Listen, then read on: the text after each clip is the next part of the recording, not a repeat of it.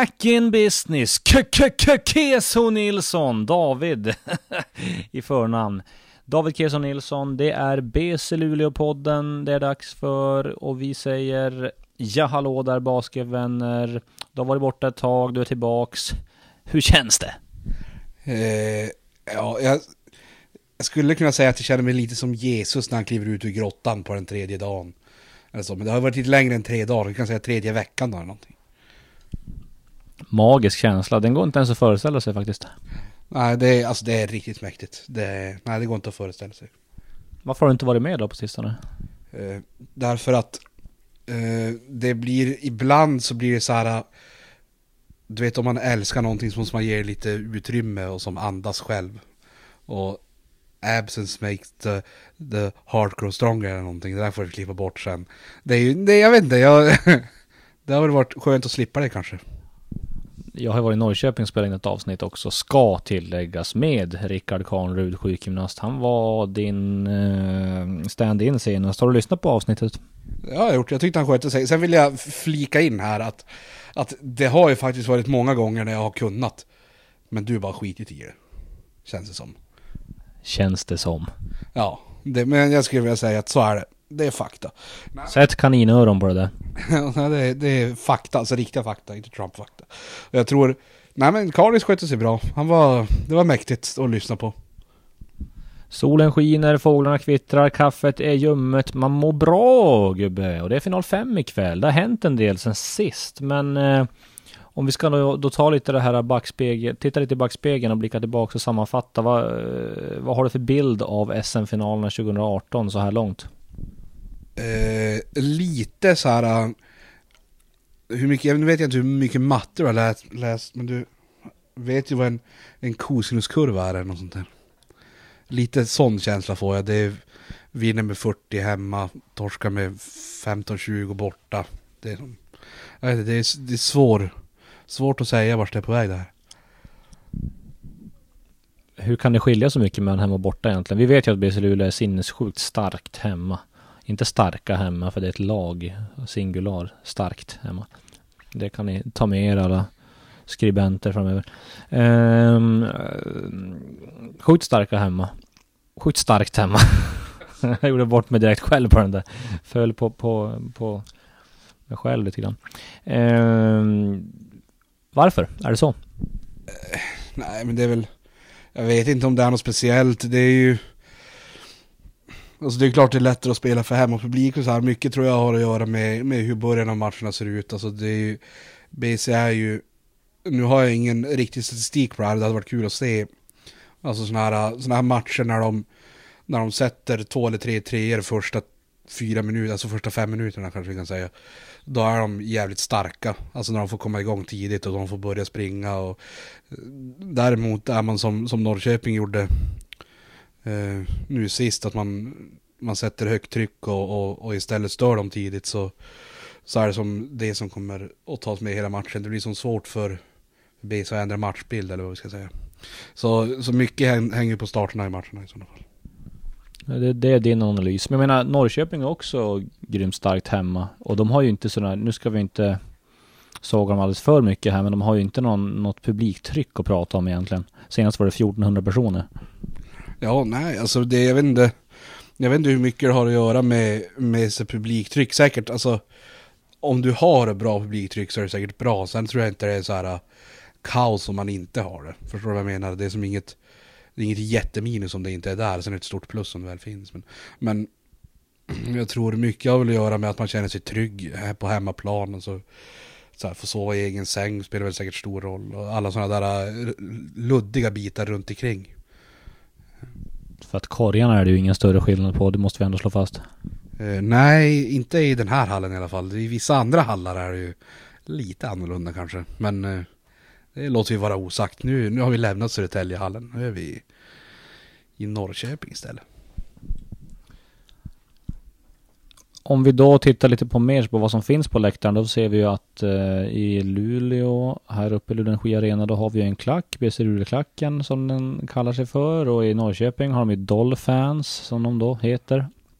Men eh, ja, hur ska vi ställa de här mot varandra? Jag tycker att Dolphans, det är mest Det, är, det ser mer ut som en, eh, jag vet inte, ett band fullt av trummisar bara. Ja, det är väl någon sån här slagverksorkester, kan det heta så. Ja, det är my mycket trummor är det. Jag vet inte, jag, det, ljudet överförs ju inte så jävla bra in till, till tvn. Alltså det gör det ju inte ens när det är tryck i Luleå Energi Arena skulle jag påstå. Eh, så det är svårt att höra de här trummorna, men man tänker ju om det ändå är fem sex trummor där varje match. Alltså om de så här äh, drar ihop det till någon slags så här, symfoni eller ifall, ifall de bara slår på trummorna och så låter det bara massa du, du, du, du.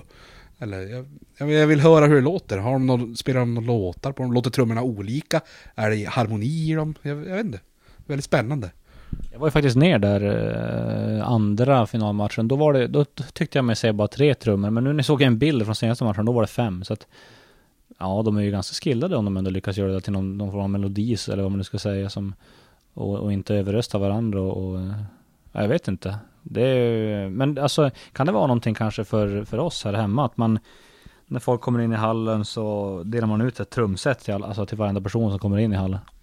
Ja, det är väl en bra... Nu skulle jag inte vilja kalla det här för trumset. Vi ska också inte alltså, överdriva hur svårt det är att spela på, på ett instrument som bara har en trumma och en jävla pinne.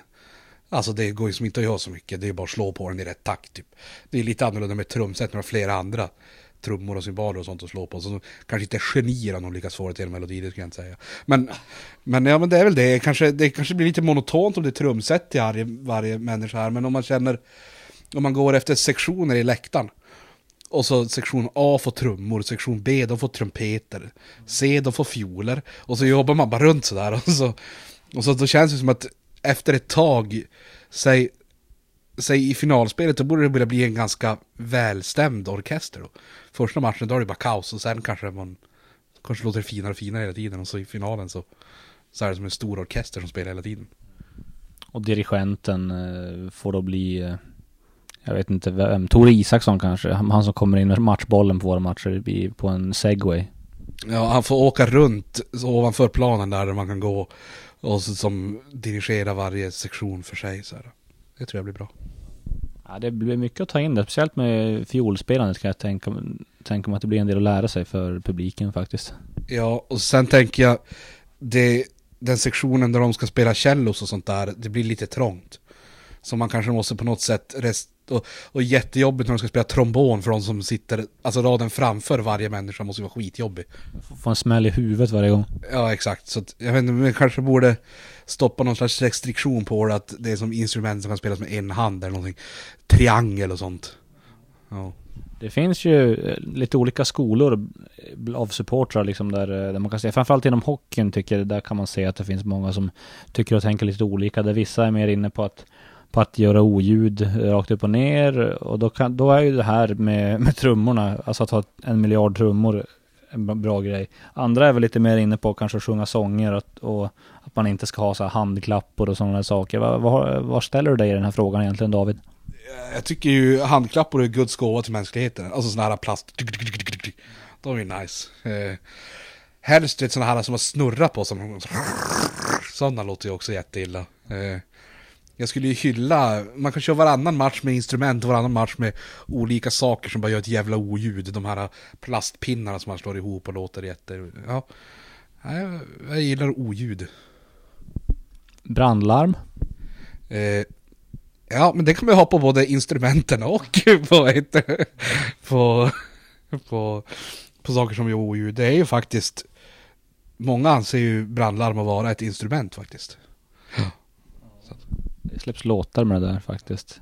The, The Bonsai Predicament kan ni söka upp på Spotify så får ni höra där lite grann. Eh, en, eh, en låt som egentligen bygger på ett brandlarm.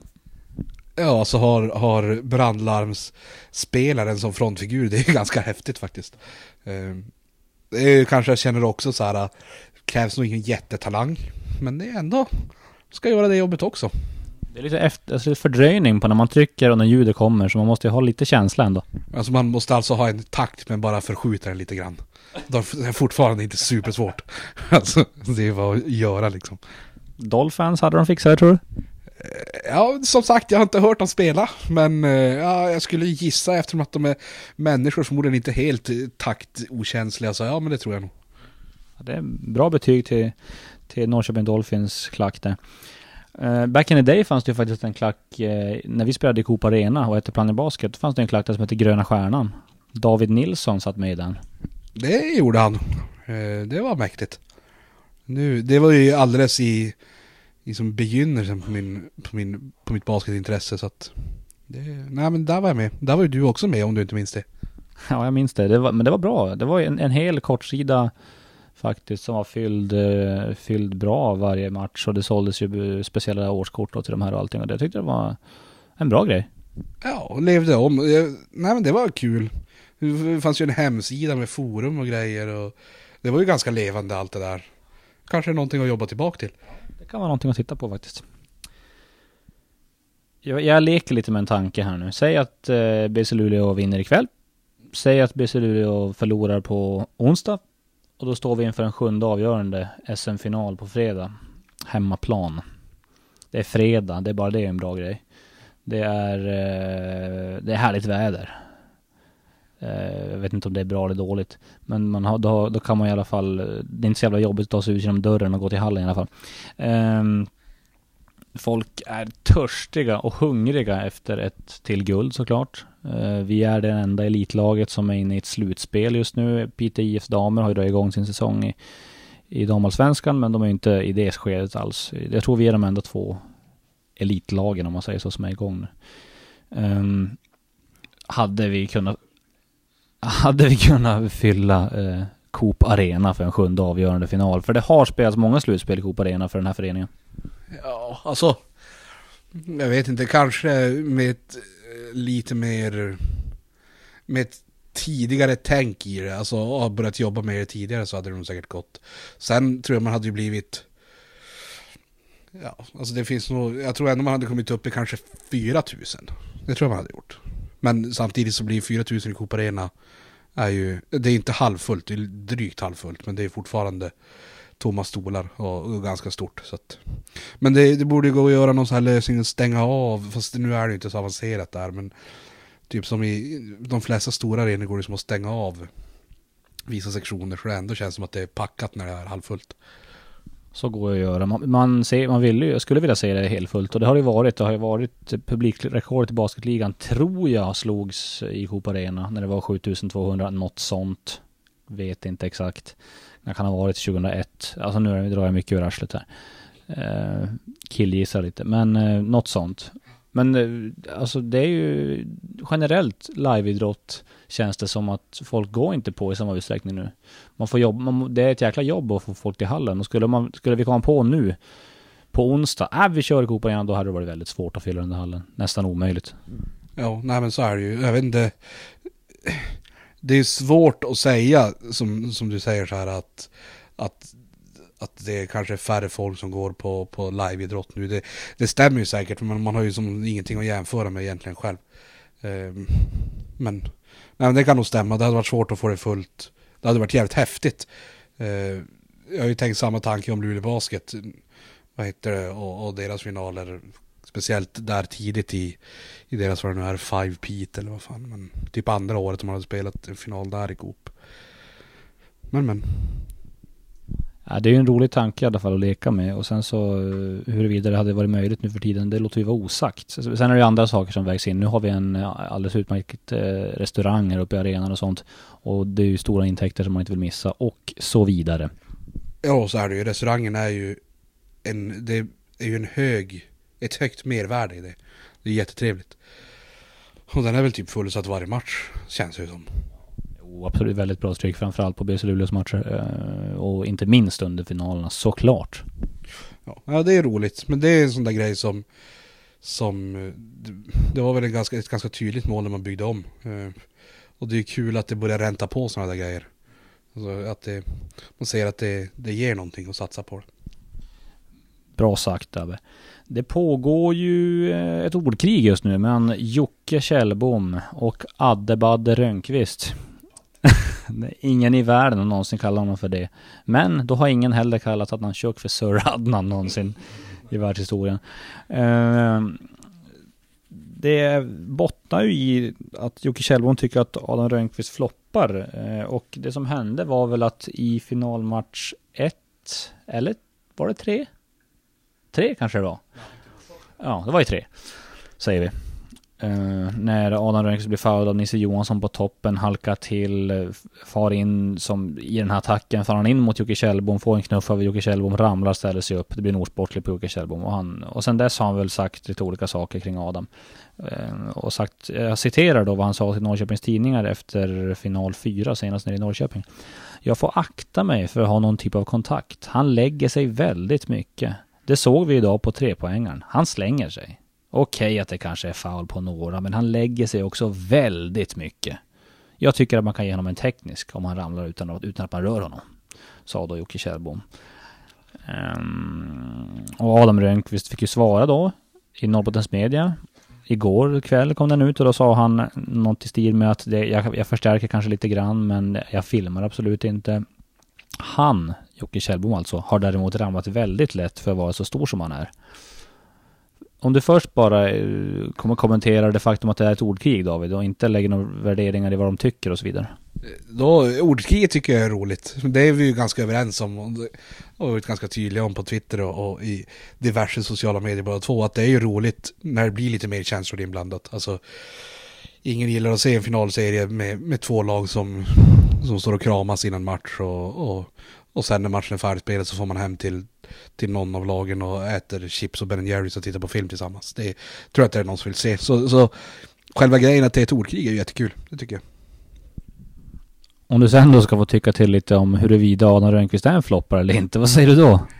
Eh, ja, jag kan väl börja och säga att jag är ju, jag är ju uppenbart jävig i det här fallet. Eh, och sen tycker jag, jag upplever att jag inte kan vara lika kanske frispråkig här som jag skulle vilja vara. Men, men jag Ja, det är väl, jag får hålla med Adam. Okej okay, att han förstärker ibland. Men ett, så tycker jag inte att man ska kalla det för att filma, för det tycker jag inte han gör. Och två, så tycker jag att unge herr Kjellbom ska vara jävligt försiktig med vad han tycker att domaren ska ta tekniskt på inte. Att Kjellbom ser ju, alltså stundtals, nu vet jag inte, det här kan vi få klippa bort, jag vet inte, men, men jag upplever att Kjellbom stundtals ser ut som en fotbollsspelare i hur han pratar med domare. Alltså hela tiden fram och hela tiden handflator upp mot himlen och fattar inte vad det är som pågår och, och det spelar som ingen roll vad det är som händer. Eh, så Ja, det är kul med ordkrig. Jag tycker att Kjellbom ska titta inåt när han, när han säger att folk borde få fler tekniska fouls. Eh, men samtidigt är det jävligt roligt att han kör. det hade varit tråkigt ifall han bara sa ja, det kan väl vara så eller någonting och så kör de någon trött jävla vinkel med NT att de ska spela en match mot Skellefteå och sånt där. Ja, jag är beredd att hålla med dig David såklart. Eh, jag har ju svårt att se, man har ju känt Adam väldigt länge och så vidare, även du. Ändå inte riktigt, filmaura har han ju inte. Och då menar jag inte sånt som man ser på bio på tv utan, utan han pysslar inte så mycket med skådespeleri på basketplanen. Eh, nej, det tycker jag inte. Alltså, Nej, det, nej verkligen inte. Men, men samtidigt så är det ju så här, det är ju naturligt att man, alla är ju partiska som fan i det här. Så det kommer ju inte bli någon så här kommentarer om att, ja men som man sa tidigare, att, att de fan äter chips och Ben Jerrys och ser på film. Utan man, man upplever ju saker på ett visst sätt och då kommer man ju säga det och sen upplever man ju oftast allting ganska skevt. Det gör man ju själv, det förstår jag ju själv att jag också gör. Sen är det ju också så att det är ju en typ ja vad är det, 30-33 centimeters skillnad och 4-5 kilos skillnad mellan de här två spelarna. Och det gör ju sin grej också. Ja, precis. Ja, framförallt de där 4-5 kilona som är det, alltså det är ju riktigt. Det är ett riktigt övertag där. Nej, så är det. Eh, det är bara att hålla med där. Eh, och det fortsätter ju det här ändå, får man ju säga. För att eh, du och jag David har ju dryftat lite våra åsikter här på eh, Twitter gällande hur man skriver ett matchreferat och, och, och, så vidare och vad man, vad man ska göra där och så vidare. Då måste jag ändå säga att målet när man skriver ett matchreferat, åtminstone som journalist, skulle jag vilja säga är att, att det ska vara objektivt liksom. Men det, ja, det ska vara objektivt, helt objektivt. Men det är ju omöjligt, det är en utopi. Det är helt omöjligt att vara helt objektiv. Det går inte. För att man lägger ju en värdering i princip allt man skriver. Skriver du att det var bra försvar, då har du lagt en värdering att försvaret var bra där. Skriver du att någon spelade snabbt, så då har du lagt en värdering där. Så det är väldigt, väldigt svårt. Det blir en helt meningslös text om man, om man har... Um, ja, då blir det en play-by-play, alltså om man ska vara Och det är bara konstatera liksom fakta, de gjorde poäng och så vidare. Eh, så att li, lite sånt får ju, alltså vad ska man säga, artikelförfattarens åsikter lyser igenom lite grann alltid. Eh, men eh, att säga att konstatera att någon filmar och floppar som skribent och inte till exempel då att Adnan Chuk eller eh, Jocke Kjellbom säger det. Det tycker jag är det hör inte hemma i en, ett matchreferat. Jag välkomnar de uttalandena men det hör inte hemma i ett matchreferat. Tänk om det hade varit en krönika istället, vad han ska tycka, Det hade varit något helt annat. Det blir som bara att han liksom har missförstått vad det är för typ av text han skriver tror jag. Ja, och så... Ja, och jag håller med dig, men sen får man ju tänka på att oftast, nu vet jag inte vem den som har skrivit om det här, Eh, oftast är det ju så här, eh, de som sköter sådana där grejer är ju ideella människor som, som inte har någon egentligen utbildning i det området. Han kan ju säkert vara jätteutbildad, det vet jag ju inte.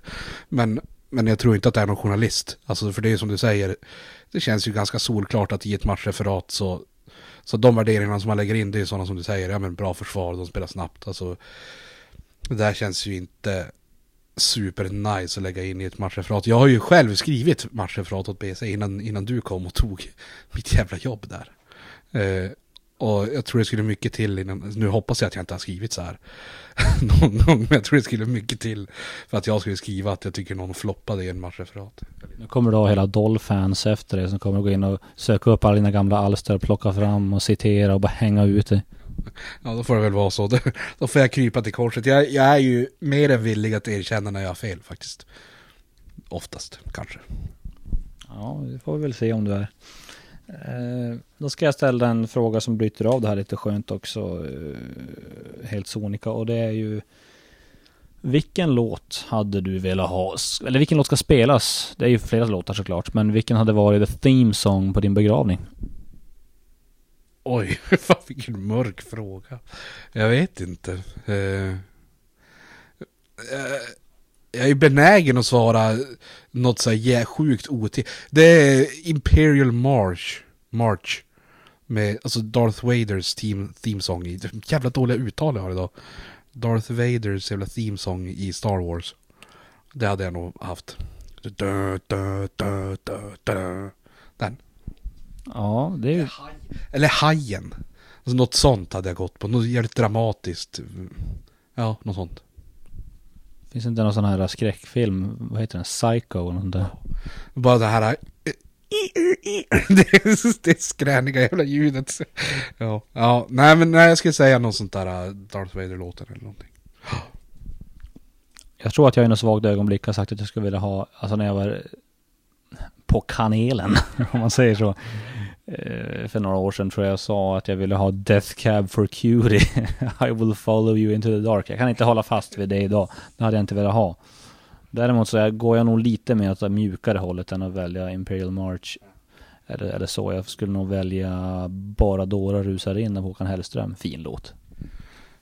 Ja, jag tycker det hade varit mäktigare med något sånt där lite.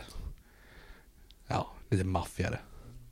Och så det finns ju, jag, jag sätter ju också någon slags värde i att i att chocka folk. Jag, helst hade jag velat att det är ingen som ska veta vad det är. Och så att man kommer med något sånt där, eller något dödsmetall där riktigt.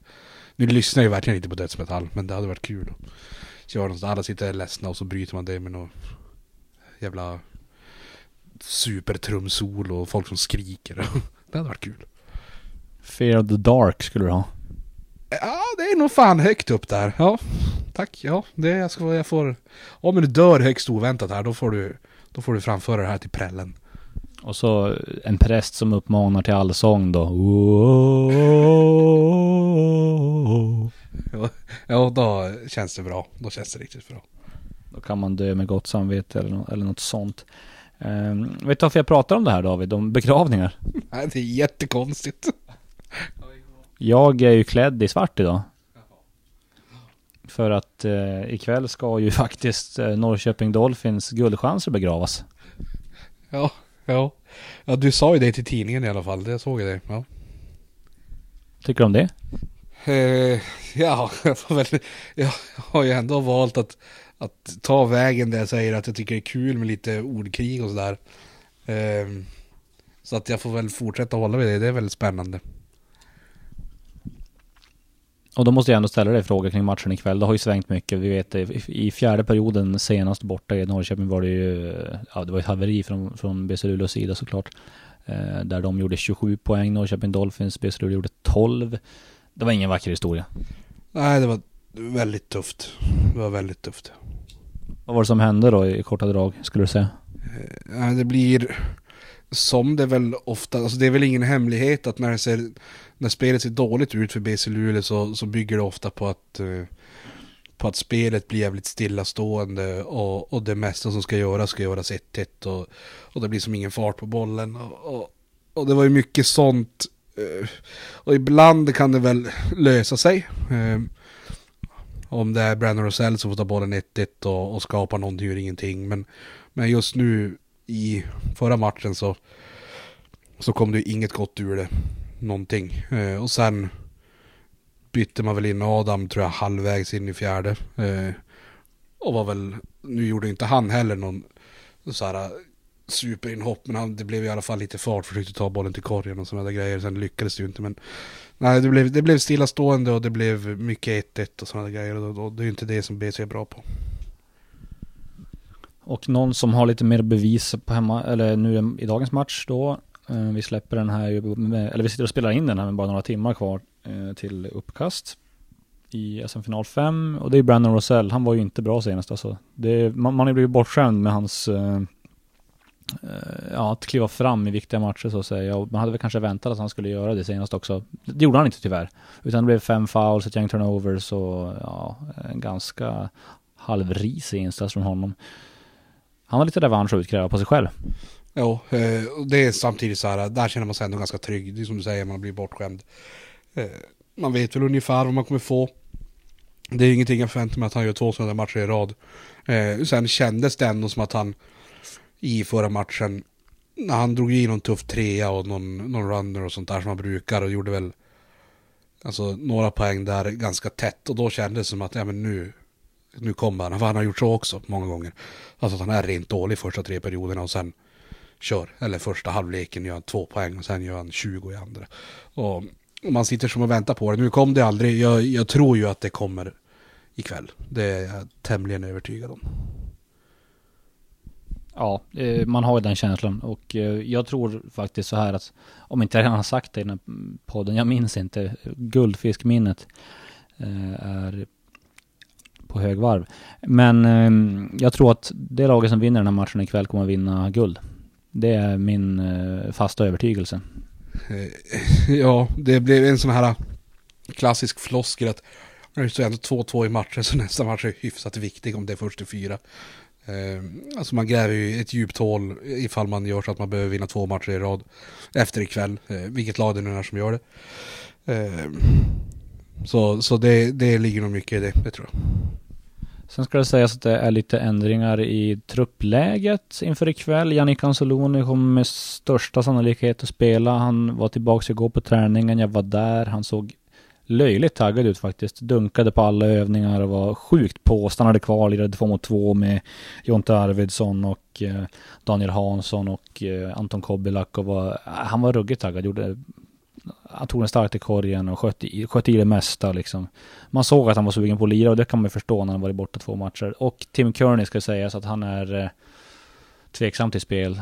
Eh, då han har eh, problem lite med halsen och så vidare. Har fått rekommendationer från lagläkare Anders Henriksson att inte spela ikväll. Så att eh, han är inte bara tveksam till spel utan han spelar inte. Ehm, hur tror du det här påverkar laget? Tar, tar de ut varandra eller blir det plus med Janne kommer in? Alltså han är ändå, han har ändå varit under säsongen, även om han varit sämre i slutspelet så har han ändå varit en MVP-kandidat under säsongen. Ja, alltså det är väl ingenting att hymla med att, med att de förmodligen kommer gå plus eh, på Nick. Däremot ska de säga att, att Tim är ju, är ju en jävla glue guy för det här laget. Alltså, så det är ju, det är klart det är kännbart att han inte är med. Sen, sen som du säger så Jannik är nog jävligt spelsugen efter att ha tittat på de två senaste matcherna eh, utan att ha fått spela. Eh, och, och, vi vet ju vad Jannik på spelhumör brukar innebära. Alltså det är ju när han är på humör och när saker rullar på så, så är han ju otroligt svårstoppad och bidrar med otroligt mycket. Sen, sen kan det ibland, även hans bra matcher så kan man ju eh, kanske bli lite irriterad på honom ibland. Eh, men, men då är det bara att kolla i statistiken sen så har jag ändå gjort 20 poäng och tagit 11 returer och gjort 6 assist och, och är plus 27 eller någonting. Eh, så det är lite, det, ja, ja, det, det är skönt att ha honom tillbaka i alla fall. Alltså det känns som att han, att han är spelsugen. Även om han inte är helt offensiv så tar han alltid returer. Och han, kan, han tar nästan allt, alltså okej okay, nästan alltid är väl en överdrift. Han snittar ju inte över 10 returer. Men han, han tar runt 10 returer varje match i princip som han spelar. Uh, that's, that's a fact. Um, så är det med det. Men Tim Kearney, som du säger, han har ju, eh, han har ju som kommit in lite innanför skinnet på Jocke Kjellbom och jag tror att som, som assisterande tränaren Håkan Larsson sa till mig idag att jag tror det är Jocke Kjellbom som jublar mest över att Tim Kearney inte spelar idag. Det, det är jag nog helt övertygad om. Jocke Kjellbom har väl historiskt haft svårt för de där typerna som är fysiska. Alltså nu, nu kanske Bryce kan gå in och ta några minuter idag och, och knuffas och vara jävlig. Eh, men han har väl alltid haft jobbigt med de där. Tim Kearney är ju en, Carlos Wheeler var ju en. Eh, sådana där som, som har lite muskler på sig och som, som vet hur man använder och är lite tjuviga och sådär. Så det, det är klart, han, han är nog nöjd. Sen tror jag det finns andra sätt att stoppa Jocke på också. Så jag, där är jag inte superorolig. Alltså, eh, så att, nej men det, där blir det kännbart i det. Och sen är ju inte Bryce Massambo mot Tim Kearney rakt av byte. Det, håll, det funkar inte riktigt eftersom anfallsmässigt så drar ju Tim ut eh, försvaret på ett helt annat sätt. Och eh, Samtidigt som eh, jag skulle säga att Bryce är bättre på att försvara inside så kan ju Tim kliva ut lite grann också. Så det, det, det, är klart, det blir lite ändringar som får göras där. Men det ska vi nog kunna överleva. I övrigt då, och du får inte säga försvarsspelet, men vad, vad skulle du säga är den stora nyckeln till serie då? Ah, försvarsspelet. Nej, det är väl, får jag säga så här, gör fler poäng än Norrköping. Äntligen någon som säger det. Ja, då bladet i munnen. Nej, men jag, det är väl just det här att att, minimera perioderna som man hamnar i det här spelet. Eh, när det blir 1-1 och när det blir stillastående. Och man kan ju ganska kyligt räkna med att det kommer komma eh, sådana perioder. Alltså, det är ändå dit Norrköping vill få matchbilden och, och Norrköping är ju bra på att få matcher att se ut som de vill och, och de är ju inte ett dåligt lag och de har ju inte en dålig coach. Så, så de perioderna kommer ju komma men, men jag tror nyckeln är att inte få panik när det väl händer. Um, och och dra ner de minuterna så mycket som möjligt. Så kanske istället för att man spelar i, i sånt åtta minuter kanske man får ner till att spela i sånt tre fyra minuter. Eh, då, då ser det nog ganska bra ut. Och få en bra start då? Ja, alltså det, ja precis som jag sa innan så, så känns det som att det är jävligt mycket, speciellt för, ja nu blir ju det för hela laget, men, men för spelare som, som Brandon och, och kanske framförallt Yannick så är det nog jävligt viktigt att, att se första två skotten gå i. Eh, men det är ju också så här, där bygger det också på att spelet ska vara bra i början. Alltså, det kommer ju inte ifall, ifall de fyra första minuterna så ska Brandon och Yannick bara isolera och spela 1-1. Eh, då, då kommer vi ju inte få det där, utan vi måste ju få stopp, vi måste springa och få de här treorna i transition som, som speciellt Brandon och kanske älskar så mycket. Grymt förlösande. Nu ska vi faktiskt rulla igång intro till vår enda programpunkt i den här podden som heter, ja, det får ni höra alldeles strax. Jesus kanoner du.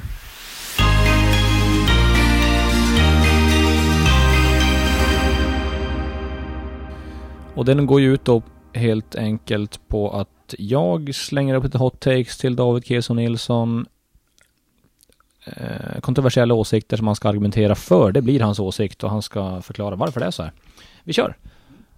Adam Rönnqvist är en floppare. Ja. Uh, uh, ja, men... Uh, ja, alltså man... Man måste ju som floppa. Alltså om du får en, en knuff av Jocke Kjellbom, det är inte så mycket kraft i dem. Alltså så, så ifall du bara som kör på och ska till korgen, då kommer ju ingen se att du blir knuffad. Eh, så därför måste du som förstärkare där. Det är lite samma princip som när, när LeBron och Shaq blir foulade. Alltså ingen ser att det händer någonting trots att man som slår dem allt vad man kan i magen. De är ju som supermänniskor.